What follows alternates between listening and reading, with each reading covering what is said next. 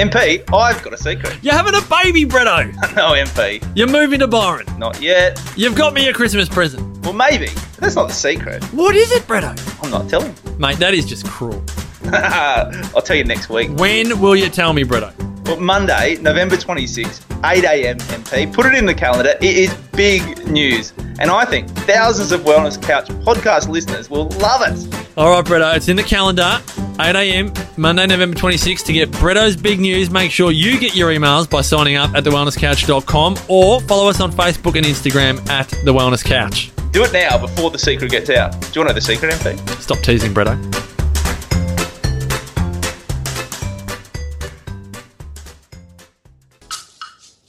TheWellnessCouch.com, streaming wellness into your lives. Welcome to Nourishing the Mother, featuring your hosts Bridget Wood and Julie Tenner.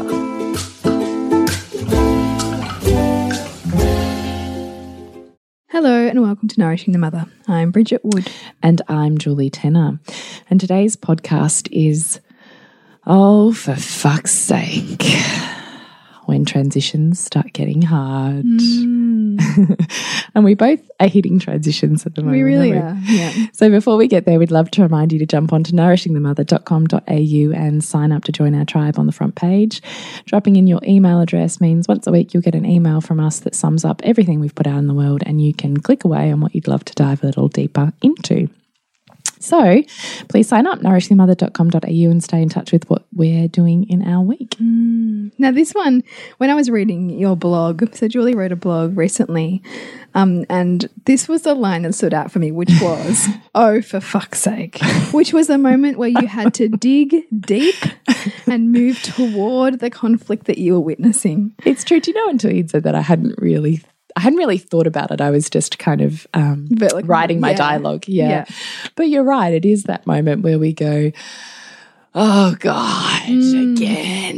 You know, and every part of us just wants to shut that shit down. Yeah. Or walk away or from walk it. away, Yeah. like, but you dig a little deeper. Yeah, it's true. and you find your path forward. And I just thought, gosh, like I that totally landed for me, and I'm sure it landed for so many people who read it. So I thought, let's unpack what that looks like in terms Yeah. of the edges that our kids are facing and that we're facing as they go through transitions. And you know, Yeah. so often I think we're, we're looking for like the clear feedback from them that, that things are getting hard or that you know that they're having a hard time but you know through child, child, child's behavior and child development it's not black and white like that you know it's very you know subtle sometimes um, and we can get very stuck i think in in in wanting to label the behavior or stop the behavior or change the behavior without seeking to understand why it's manifesting Yeah, totally. and when we have the why, we then have the how. I think We have it brings the power back, doesn't it? Because all of a sudden you don't feel resourceful, resourceless, or unsure or overwhelmed. You go, "Oh, I get this. Mm. yeah. All right. Well, here's how we can move forward." Yeah, yeah, And, and you're also not. I mean, ultimately, when we when we are feeling like we're drowning in Mm. this parenting game, and we are feeling resourceless, we want to escape that. We don't want to move toward it. yeah.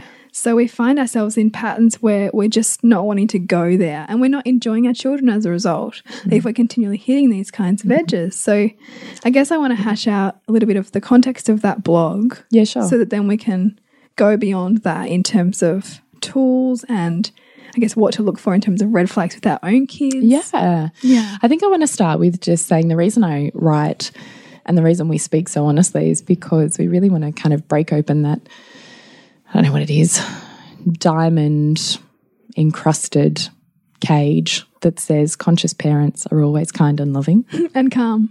Yeah. no. No, it's like, it's like that. It's like our video series, which was, I think one of them was Zen as fuck. wasn't you know? It was because I think um, we can hold ourselves to. I think generally, if you're on a conscious parenting path, you're trying to undo or rewrite some part of your own our own past. Yeah. So you, to some or many degrees, have parenting wounds, probably a mother wound of some mm. sort. And so I think we concoct in our head the story and the picture of what an ideal or perfect mother looks like. Mm.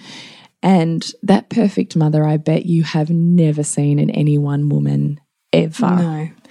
And you've decided in your mind, you've picked pieces of maybe Maybe you and I, Bridget, you've picked pieces you love of Bridget. You've picked pieces you love of me. You've picked Mm. pieces of, I don't know, Aletha Solter, Marion Rose, um, I don't know, conscious parenting Mm. Oh, gurus. Dr. Shefali. Yeah, You know, whoever Pinky. McKay. Yeah. you know, wherever you are, you've picked pieces of everyone and you've put them together and Mm. you've pasted together this idea of this perfect mother. And then you self flagellate in guilt and Mm. shame when you fall off the pedestal. Mm-hmm. But the point is, there is no wagon. And if there's no wagon, there is nothing to fall off of. Mm. And there is no perfect parent and there is no perfect woman. And none of those traits will be altogether mushed in a single person. No. And in fact, nor do our children, despite what books might say and despite what, you know, therapists might say, nor do children want that from us. They want our authenticity. Sometimes they want our anger. Mm-hmm. Sometimes they want our frustration. Sometimes they want all the things from us that we are judging as not okay. And when you say sometimes they want that, what does that mean? that means that that they are looking you know children's if you imagine children's brains as new information seeking organs that are trying to learn about their world and trying to construct their reality they're looking for templates of emotions they're looking for basically a um, a blueprint for what the true colors of the emotional world look like.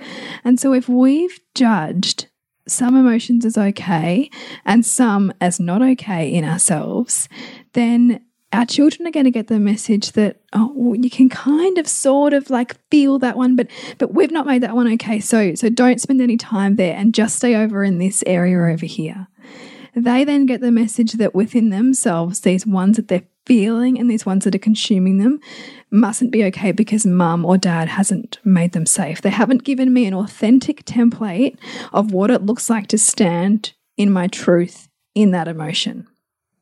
And so they get mixed messages. And when children get mixed messages, they get confused, they have behavioral challenges, and they lose connection with themselves. Mm. Because the more connected we can be in our own emotions and feelings and authentic self, the more our children get a clearer view of what authenticity looks like. So they can do that for So they can do that for themselves. Mm. And so mm. busting the myth of the perfect parent mm. has got to be a goal here. If you're stuck in that, mm.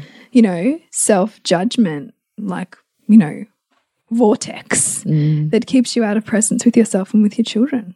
Yeah, totally. So that's where I wanted to stay was, you know, I don't want you thinking you listen to bits and pieces of, of the wisdom that Bridget and I have on this podcast and then decide that, you know, we have all these ideas on, you know, how to parent children and how to raise them consciously and that we ourselves are not fighting our own inner mm, demons, inner yeah. battles, inner triggers, because it's not true. So, oh, for fuck's sake, is me on the inside going, God, have I got it in me to do this mm. again? Mm. And, you know, honestly, sometimes I'm not going to. But I also know and respect my own authenticity enough to know I am doing no one, including my children, any favors by forcing myself to do something that doesn't feel congruent and mm-hmm. aligned. Mm-hmm. And in fact, with parenting, you never lose an opportunity. Mm. So even if I don't show up in the way I consider the right way to show up right now, I'm not missing that opportunity. Mm. Because even if my children repress, suppress, shove it down, get upset, they are going to bring that back up mm. at the next given opportunity. Yeah. And at that next given opportunity, or several, I can decide whether I have the capacity to hold it or not. Mm. I don't lose an opportunity. Mm-hmm. Same as there's no crying that's wasted. If I can hold with spaciousness and capacity tears, mm. if I can only hold them till I can hold them and they haven't finished, that's okay Yeah. because it ha- it is not wasted. You've got some out. Hmm. But don't go forcing yourself into holding stuff that you can't actually hold hmm. because it doesn't heal. No. When you're trying it doesn't to heal them and it doesn't heal you. No, when you're trying to mentally be somewhere but Yeah. physically and emotionally and consciously you're not. Hmm. There's there's also a mixed message there and it becomes unsafe because children feel us more than they hear us. So, you know, I just want to say I really, I really get where you're at. Mm. And this conscious parenting gig doesn't mean I can hold 99.9% of my child's everything. No, because you're human Yeah. and you have your own shit going on and your own desires and your own resources and you are in a dynamic. Mm. You are in a dynamic with your partner. You are in a dynamic with your children. You are in a dynamic with your family. Mm. And you are all kind of moving together and cycling together and pushing edges and mm. showing up and not showing up. And all of it is serving you. Yeah. so to view something as one way, I think, is also a disservice to yourselves and your children when you're not able to see the full worth Yeah. of what's actually happening in that dynamic. I love that you've called that out. That's where I wanted to start, Bridget. Now, where do you want to go? Love it. so now I want to, uh, for those who haven't read the blog, is give a little bit of a context for the story, I suppose. So um, if you're wanting to go back after the podcast and check out what the blog's called, Sorry, we're I'm just on my um, computer at the same time. At the moment. So it's called Tell Your Children the Stories That Will Heal. And really, let's just run through briefly what it's about. So let's paint the picture for where you were and what you heard and how you moved through that. All right. So um, I'm transitioning at the moment with my third child from kindergarten to primary school. And I think that last six months of kindergarten as we're moving into primary school is, is always a time of transition. transition. Uh, and certainly has been and has played out differently for each of my children. Mm. So my third child came through this, and I noticed normally she's, I mean, she's been my hard baby, but then she got easy. Mm. And she's such a talker and an emotional communicator that I was like, cool, I've got this jam. Until we hit about halfway through this year, and I was like, fuck me. There is so much here. I can't hold it all. Like, mm. Come on, give me a break. you know, like, and it just keeps coming and it just keeps Yeah. coming. And it just, and I feel like I'm on a broken record and I'm like, really? Again? like, we're here?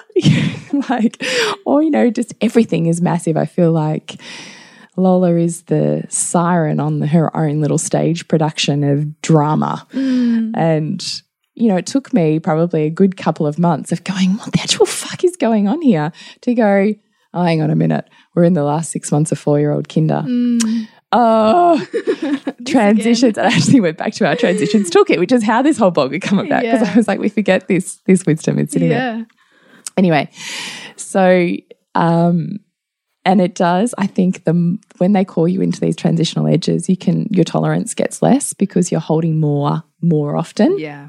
it's not like the one thing where you go oh i can see you've got all this mm. stuff you need to cry about and you know mm. and then we reset and And, everyone and, and, and empathy is easy, right? yeah yeah Versus when it's when it's no when it's like you know a woodpecker at a tree you're, You're like, like oh, come on, for fuck's sake. yeah, Yeah, be done that's already. right. Exactly. So this is Lola at the moment. She is just like drama, and I can see her picking up on. Um, well, social stuff becomes really big in four-year-old kinder, and it certainly has been for us this year.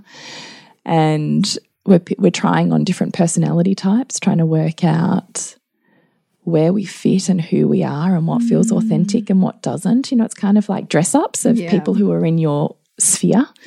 So I could almost pick, you know, depending on obviously who she's played with or had issues with, she'll bring that home. So she'll try on uh, this person and I'll go, mm-hmm, now can we have Lola back, please? Because this is not Lola. this is so and so. And you can hear it in their tone, in their sass, in their way that you know is not authentic to them, but there's something that's happened with that dynamic today mm. and they're trying to work it out. Mm-hmm. And often for Lola, I think it's she's socially really struggled this year and is underpowered. And so she's in a group where there is lots of children who are overpowering her. And I mm. could choose to sit in the victim of, oh, she's being bullied. Fucking hate that word. No, Lola needs to find her power. Mm. And so she's calling in people who are overpowering her for her to find her power. And mm. yes, that's hard. Yeah. And it is a constant conversation, but she will find her power. Mm. She will find it. And I will help her find it, but not by supporting the story of her being weak. So, anyway, it's constant. And um, I remember this. So there's this one day, and it's just like so much, so much anger, so much rage, so much tears, so much whinging, so much whining. And I get to the end of the day and I'm like, oh my God, this is too much. Um, so I'm just reading back through it again. So tonight was the end of a very long weekend, and by long I mean emotionally wearing. She's fighting with her siblings in the bathroom because it just becomes constant. Because siblings become the perfect way to get something Yeah, out, right? yeah. Because they are just an easy um, target or sounding board because Mm. they're guaranteed and emotional. You can flick something and you will get a flick back. Yeah. Mm. And in which case that allows you to release something. So for her with her siblings, when she's off balance, it's like ping, ping, ping, Mm. ping, which is you know brutal. Anyway. So she's fighting with her siblings in the bathroom. I can hear they're trying to speak to her. Her dad has tried to speak to her, but she is having none of it. Living up to her name, as all great Lolas are divas, she's wailing in the shower about how unfair her life is. Mm. Oh, for fuck's sake, I say under my breath, because again, I don't want to have to do it all. Her dad's home. Yeah. Why is it me again? you know, like You know, someone else thought And this you've had a big weekend and you're just ready to wind down. I'm ready to wind down. But I also know, okay, no one else is cutting the mustard here. Take a breath. Let's see what's going on. So I do all my usual stuff. So I get down on her body, on her level, and I can feel my body tingling, which for me is I'm hitting, it's almost like, um, the starters or the aura of an out of body experience where you can start to feel your conscious brain starting to leave and you're starting to move into like an animal like trigger, you know, an mm-hmm. old wound. Mm-hmm. I can feel it now. I can recognize I've worked long and hard enough on my triggers mm. that I can feel the warning signs, if you like. I mm. call them the aura Yeah, yeah. like a migraine aura. I can read the signs beforehand and I can mm. choose in those moments now consciously am I staying here with my children? Is it safe? Mm. Or do I need to go and sort myself out first? Yeah. So I can feel the edges of that tingle. And so I really have to parent myself because it's mm. easy in those moments or easier to just like be rageful because that's what I want And be reactionary and to just lash out like the animal that's overcoming you. Yeah, yeah. So anyway, I choose in that moment that I can do this. Hmm. And I take a big breath and I remind myself that the deeper I breathe, the better I can listen. And the deeper I breathe, the more I can stay present. And so I use our usual sort of toolkit. Hmm. And then I'm asking myself what the mirror is here and blah, blah, blah. Anyway, it goes on and on and on. So um, I'm reading it as I'm going, sorry.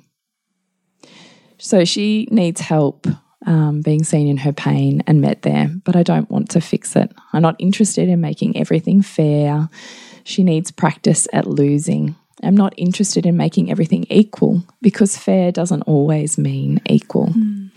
And she's not happy with this. Oh, quite the contrary. She wants me to fix it. She wants me to take the thing off her sister and give it to her so she doesn't have to stay in these immensely uncomfortable feelings because it would be easier just to give me that thing and then I don't need to feel this anymore. I don't want to do that. So she gets angry and she gets physical. So for her, that looks like it started. I was because I was in the shower in the bathroom with her, trying trying to talk to her. She's in the shower, so she starts getting the shower water and flicking it, me, it at me, like mm. flicking it in my face. and I was like, "No, we're not doing this. I'm not letting you flick me in the face like that." So I turned the shower off and I wrapped the towel around her. And of course, she's fighting me, and I grabbed her by the arms in a firm way mm. and moved her down to her bedroom. Mm. And I just said to her, you know, we, you know, like, you know, she's flailing and screaming at me and trying to shut the door on me. And I held the door and said, I'm not going to let you shut the door on me. And I'm not going to let you shut me out right now. What I am going to do is come into this room with you because when you have big feelings like this, I feel like there's part of you that needs to know that I'm still here. And she's like, don't touch me, you know, um, whatever.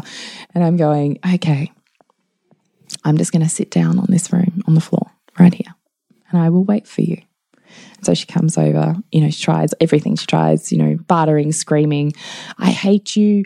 You're not my friend. You're not, you know, she's like, she's mm. looking, she's like that animal, you know, looking for the thing that's going to trigger me. So she's mm. kind of, it's almost like a checkbox, you know, I hate you. Oh, that didn't work. Mm. You're not my best friend. Oh, that didn't work. You never help me. Oh, that didn't work. Because I'm not going, well, yes, I do. Oh, that's ridiculous. Yeah. Oh, da da da. I'm going, yeah, you really hate me right now. Hmm. So you're feeling really angry. You really don't want me to be here. Hmm. You really don't like that I didn't give you that thing. I'm not trying to justify Yeah. and get in this Nor are you looping. trying to change it. You're No. simply acknowledging.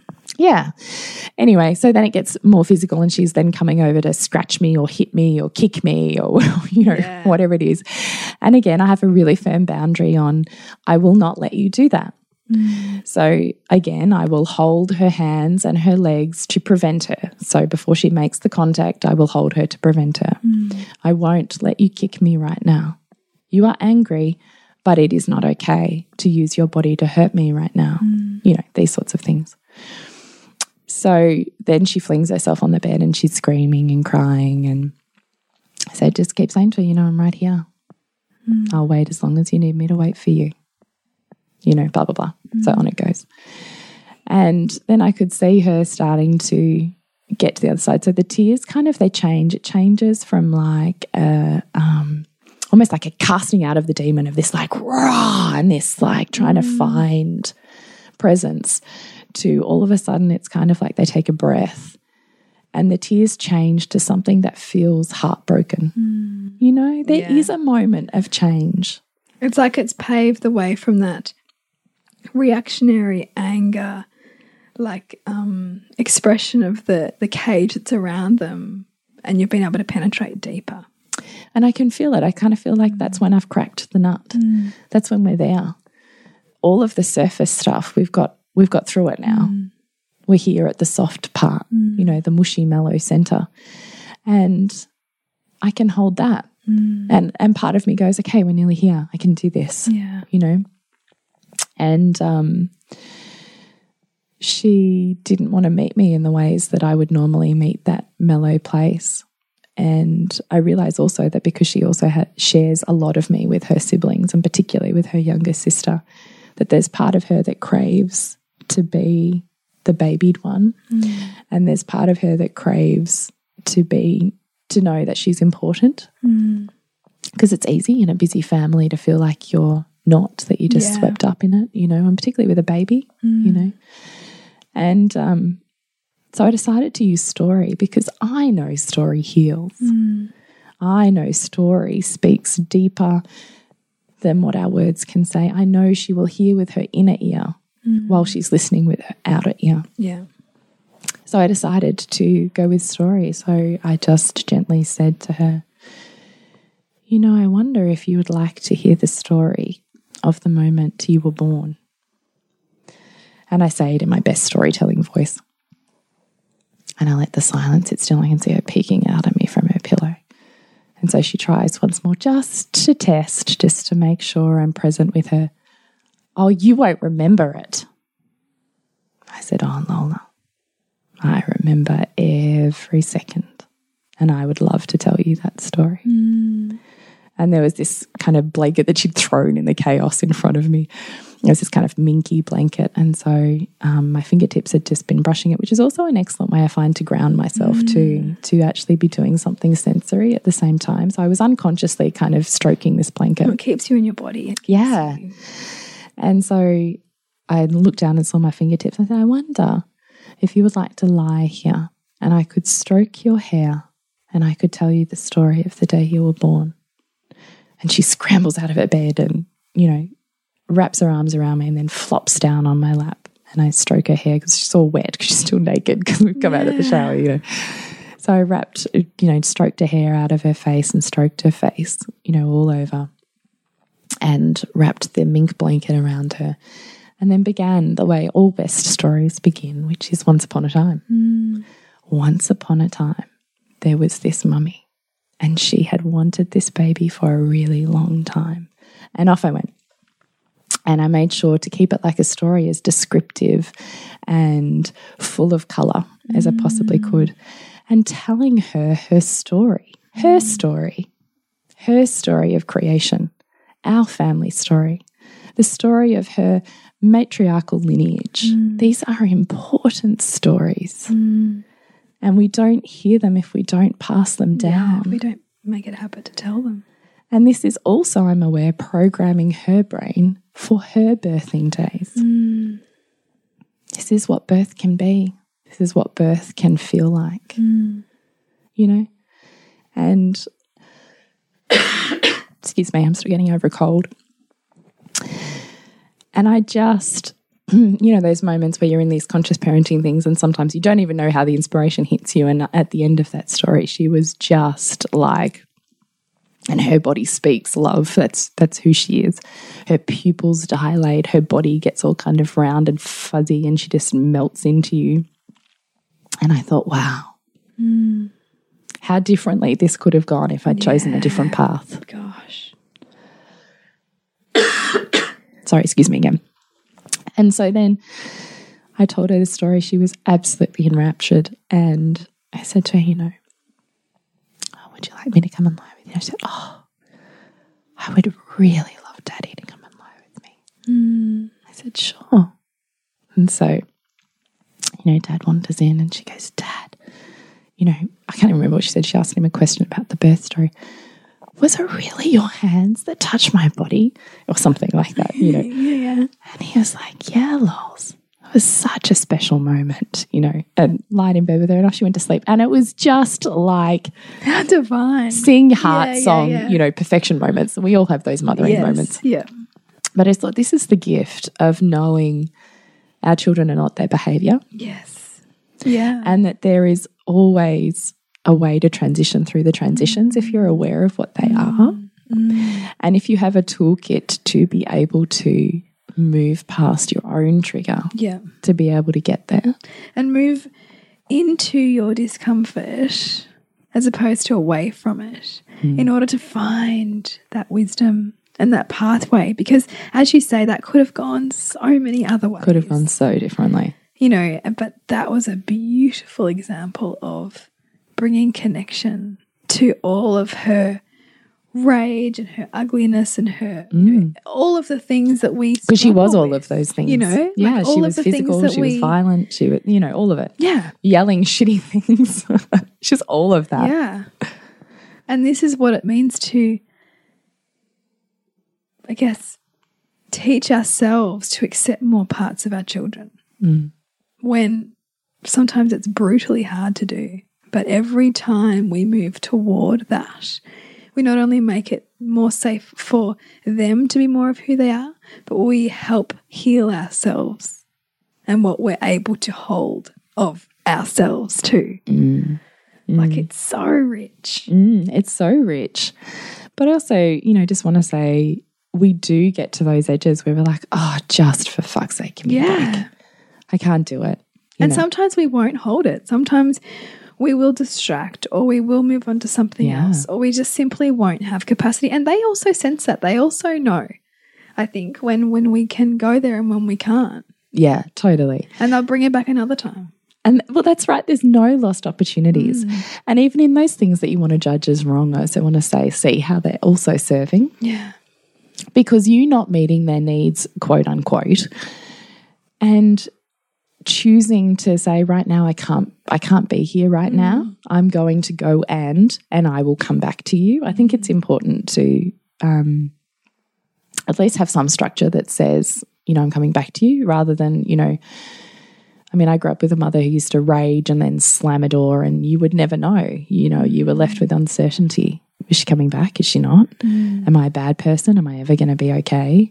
You know, like, and in relationships, Unpredictable. unsafe, mm. uncertain.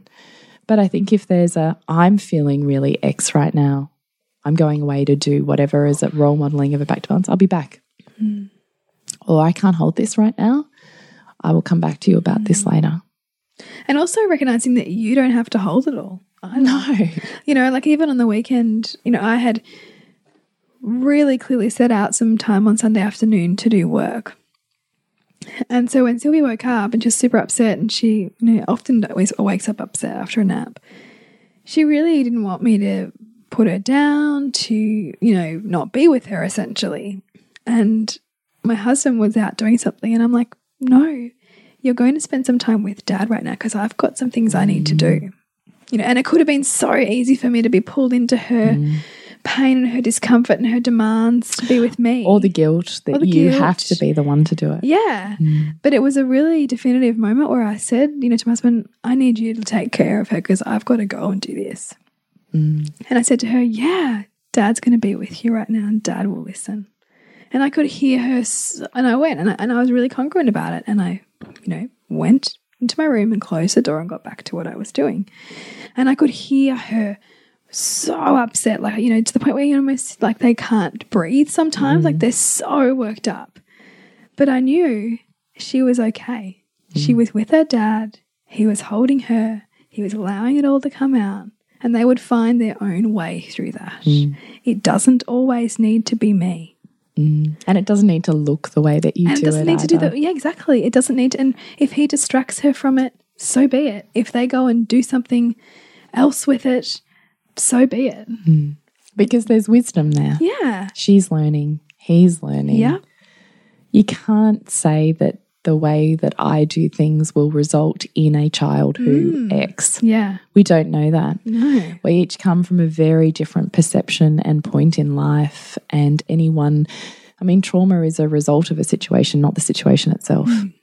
So we can't be the predictors of what is traumatic and what is not, Yeah. because what is for me will not be for you. It's like I think it was in this week's last week's podcast when we were talking about, um, you know, for one person's trauma is another person's speed hump. Like we, we don't know how trauma is perceived. No. It looks different for everybody. yes. And so we so desperately want to justify our way as the right way because we project forward that if we don't do it this way, then there'll be XYZ wrong with my child or they won't feel this about us.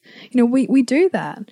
But the truth is, we don't know. And it doesn't matter how we parent or who we are, our children will perceive whatever voids they mm. need to perceive mm. to keep them on purpose in their own mission. And the point is, they will have voids. They will. It doesn't matter what we do.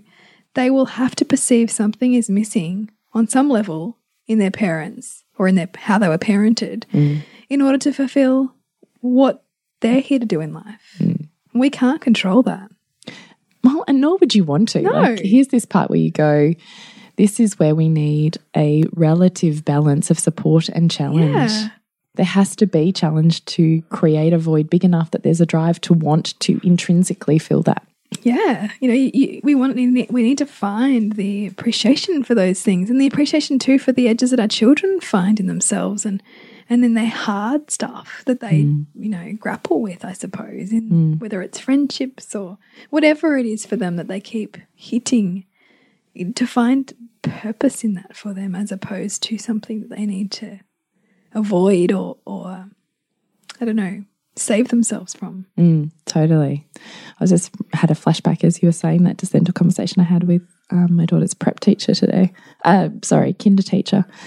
And um, we had a meeting after kinder because I'm on the committee. And um, I was chatting to some mums and they turned around and went, Oh, Lola's crying. And I went, What? And I turned around and there she was sobbing in the arms of one of these teachers. Hmm. And I went over and went, Hey, what's going on, dude? And she, you know, fell into my arms and she's like uncontrollable crying, like ah. sobbing to the point where she can't even, I can't even understand what she's saying. Hmm. So we waited it out. We came back to our breath, you know, blah, blah, blah. And then in the end, she says to me, Well, I didn't want to walk around while you were, there were too many people. I was like, What the fuck? like, you know, in my head, I'm going, Is this the weirdest thing ever? And then it dawned on me, I went, Hang on a minute. This is a regular theme after Kinder is she brings back and role plays or finds an opportunity to release the exact emotion that she's hung on to during the day. Do you know what I mean? Yes. So, and I was trying to explain this to the. So after we'd moved through it, um, which I'll explain for you, I was trying to explain it to the kinder teacher, and she didn't get it at first. And I said to her, "You know, Lola's really interesting. Yes, okay, this is because she checks in. We check in with each other, the kinder teacher and I, about social stuff. And I said, "Oh, yeah, you know, she is fine and she's doing great, but this is still a constant thing for us. So she comes home and she can be really angry. So she'll find a way to, you know, be rude and angry to her little sister, or be rude and angry to me, or be angry at me when I say something no or whatever. And I have to realize that there's, she's just spitting out the thing she's hung on to. So it's not the bowl of chips I said no to, or the fact that her sister stole her toy or whatever Yeah. you know, we have to move through that to get to. Did you happen to feel angry at Kinder today? Did you feel these angry feelings in your body that you're feeling now? Did you feel that at Kinder today? Oh, wait a minute. Yes, and she'll retell a story that she was hanging on to socially that she hadn't worked out how to handle. And then we talk about it and then she resets. So today at Kinder just happened that everyone was there and they saw it. She's had this massive emotional meltdown. And we moved through it and I listened to her, yeah, okay, you didn't want to walk through there. Hmm. Did you happen to feel really sad and left out today at Kinder? Oh, yes, today this happened. And off she goes with this story. And I thought, oh, okay, Yeah, here it here it is. But I think it's easy to go, oh God, she's just so tired or so whatever, Yeah, yeah. as opposed to seeing that it's another learning opportunity Mm. of transition. She's trying to understand more of her world. Yes. She's trying to figure out who she is in a bigger world. Mm. And that is a transition. And figuring that out looks like continually re experiencing those feelings to try to make sense of Right, exactly. Okay, that is a much more profound way to say it than what I said. But that's it. Like it's almost a reparative process. That's what it is. And this so I was retelling this to the kinder teacher today. And so, so I was like, you know, so if she's been angry at kinder and doesn't know what to do with it, she comes home and she's angry about something. And then I have to eventually, once we get through that, ask her, what what happened at kinder today where you were angry? And what happened at kinder today where you were sad? And, you know, blah, blah, blah. And the kinder was like, oh my God, really? I was like, yeah. I feel like that's probably pretty common, yeah. but we're not probably tuned into it. And I don't think that, I mean, it's not something that educators are really. Uh, I don't think that- across. You know, it's not something that they could. Like, It's not part of our cultural language, I don't think. no. But it is a really interesting, interesting concept. And I Mm. wonder if it's also the case for um, our listeners Mm. when they're thinking about their days and when their children are coming home from school and kinder. And I think when I think I think ultimately as adults that's true for us too, right? But we're not that, Yeah. that often that good at figuring out what it was that's put us in the state that we're in. How yes, and how know? interesting would it be if we had a pet, a partner who, in, you know, we've just flicked off some anger at them, who instead of like getting defensive or raging at us, Yeah. went, "What happened today? Why? You know, what happened when you were so angry? I don't know. Yeah, Like we would right? respond Because- really because differently. It would be Yeah. it's the same thing. Like Yeah. we're, we're also trying to work through whatever funk we're in Mm. and find our way out of it, Totally. which is often, which looks like re-experiencing the feelings Mm.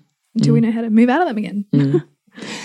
So, Bridgie, let's turn the spotlight on you just a little bit. So, oh, for fuck's sake, do you want to give any context in terms of this podcast? Yeah, I mean, like I think that this this whole piece on transitions is is big for me too because I don't think I realized that that we're doing prep take two, right? So we're getting ready for prep take two with my son. Which is really full on.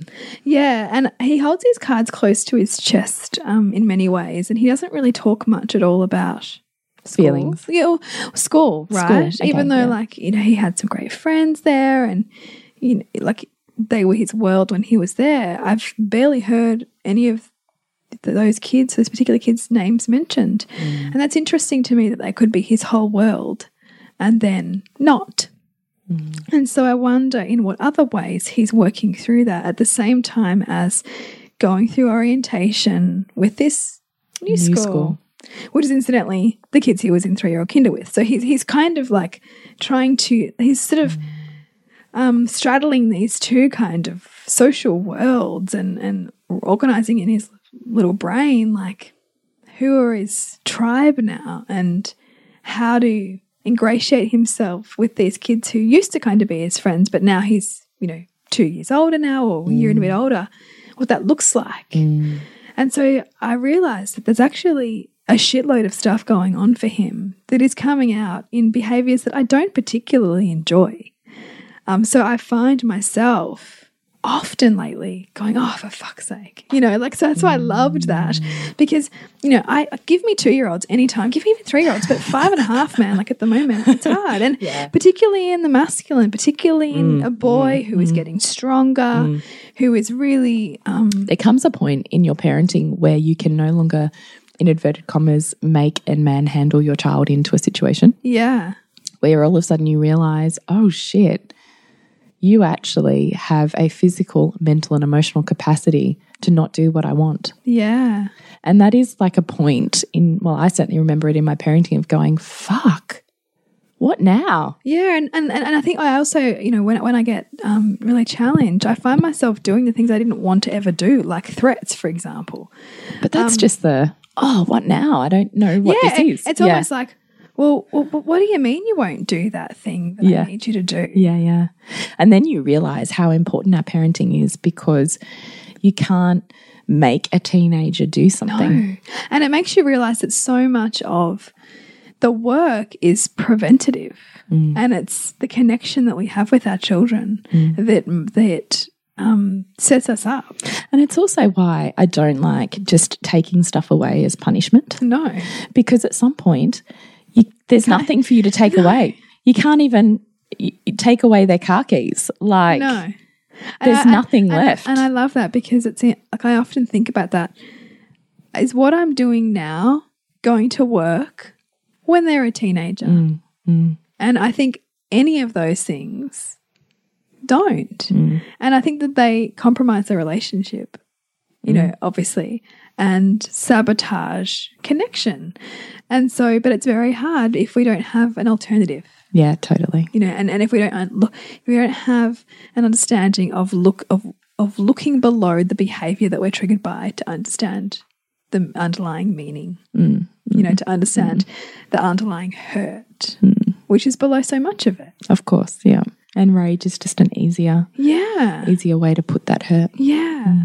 So I'm revisiting the transitions toolkit because I'm realizing that for I did an enormous amount of work this time last year. Mm. Yeah, you were uber focused last year. Yeah, and like you know, we I mean Hugo like was doing regression play as a baby for about a month. I mean, it was like I had to dig deep, I remember that. and I Even I remember thinking, I don't think I could do that. yeah, it was full on, but it, but it really helped him. Like he really transitioned beautifully, um, and and I realized that I haven't been on my A game in terms of looking below the triggering behaviors for me and seeing, ah, this is because of this. Or, ah, okay, this kind of play would work well here. Or, you know, even me noticing when I'm being um, invited into play that they're using, both my kids, that they're using for purposes of healing.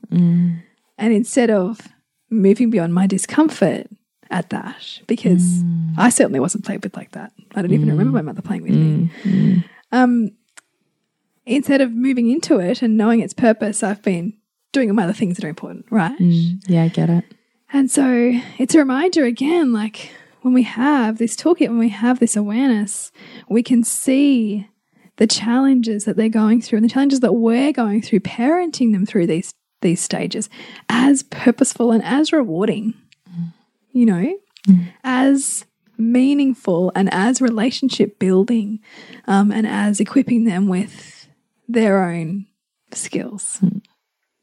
which I think you know this kind of work does so beautifully. Hmm. Actually, as you were just saying them regressive play, I was thinking in my head, what is it that Lola's doing? What are we playing at? And I've just it just dawned on me as you were saying that we're not doing regressive play, but it would be a version a version of her trying to find that transition area as well. She's doing lots of teaching me play.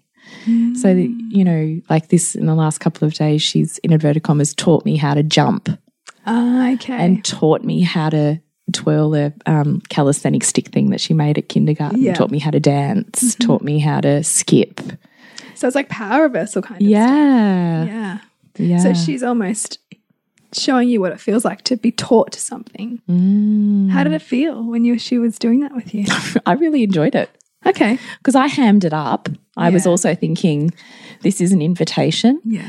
And there's stuff here. Mm. You know, yes, it's a game, but there's also stuff here. She's not doing this. She doesn't need it. Like Yeah. she's, she's needing this on Yeah, some yeah. level. So for me, that's an invitation to to um, Play it out. provoke at the laughter. Yeah. So, you know, for instance, when she was um, teaching me to jump, we were on the trampoline. And so I would pretend that I couldn't jump and she had to break it down. And then I'd pretend that I tried jumping, but I'd fall over. Yeah. Or I tried jumping, but I'd land on my back. Mm. Or, you know, So you were like sh- making it okay to to to mess it up. to make mistakes. to not get it, yeah. Yeah. And she was hysterically laughing, like, but hysterically laughing to the point where I go, this is great because this is release laughing. Yeah. This isn't just even normal, like, ha ha ha, you're funny. This was like so funny. yeah, like cathartic. Cathartic funny. Mm. Yeah, whole whole belly laughing funny. So I just keep pattern repeating exactly because little kids never get sick of watching the same thing over and over. yeah. So I just pat. Yeah, isn't it? Literally. Yeah. So I just pattern repeat over and over and over and again until the hysterical laughter it doesn't It happen dissipates. anymore. And so that's what I'm doing with their play at the moment is Yeah. looking for the hysterical laughter point and replaying, replaying, replaying until the laughter disappears, and then looking for the next hysterical point and And replaying, replaying, replaying. And you know, the more we do that, the less she needs to rage, hit, fight, Yeah. punch, kick, mm-hmm. because there's release through laughter, Laughter. and there's release through tears, right? Mm-hmm. So powerful. So so powerful. Anyway, we've been talking a really long time. We have. I'm sure it's probably time to wrap it up. But if you're struggling like us with transitions, we'd love to remind you that our transitions toolkit is on sale for half price for the month of November because we're sure you're transitioning your children just like we are. yeah. So to get 50% off, you just need to enter the code change. I think it's change. We'll make sure we put it on socials. Yeah, we'll put it on socials. I think it was. Yeah. Change. Go with that. Maybe we can make it that just in case it's not. Um, so yes, if you are at that point, you know, whether it's I mean daycare, kinder, school, you know, it's it's irrelevant. Even just hormonal or life changes. You know, your kid's going through something right now. Yeah. Yeah. There's lots in there. Yeah. So hop on the website nourishingthemother.com.au to check that out. Shop. Yep. And to connect with you, Bridge, Suburbansandcastles.com and you, Jules. is thepleasurenutritionist.com. Remember to nourish the woman to rock the family. And we'll see you next week when we continue to peel back the layers on your mothering journey. This has been a production of TheWellnessCouch.com. Check us out on Facebook and join in the conversation on Facebook.com forward slash The Wellness Couch. Subscribe to each show on iTunes and check us out on Twitter. The Wellness Couch, streaming wellness into your lives. Whilst the Wellness Couch presenter endeavor to provide accurate and helpful information to their listeners, these podcasts cannot take into account individual circumstances and are not intended to be a substitute for health and medical advice from a qualified health professional. You should always seek the advice of a qualified health professional before acting on any of the information provided by any of the Wellness Couch podcasts.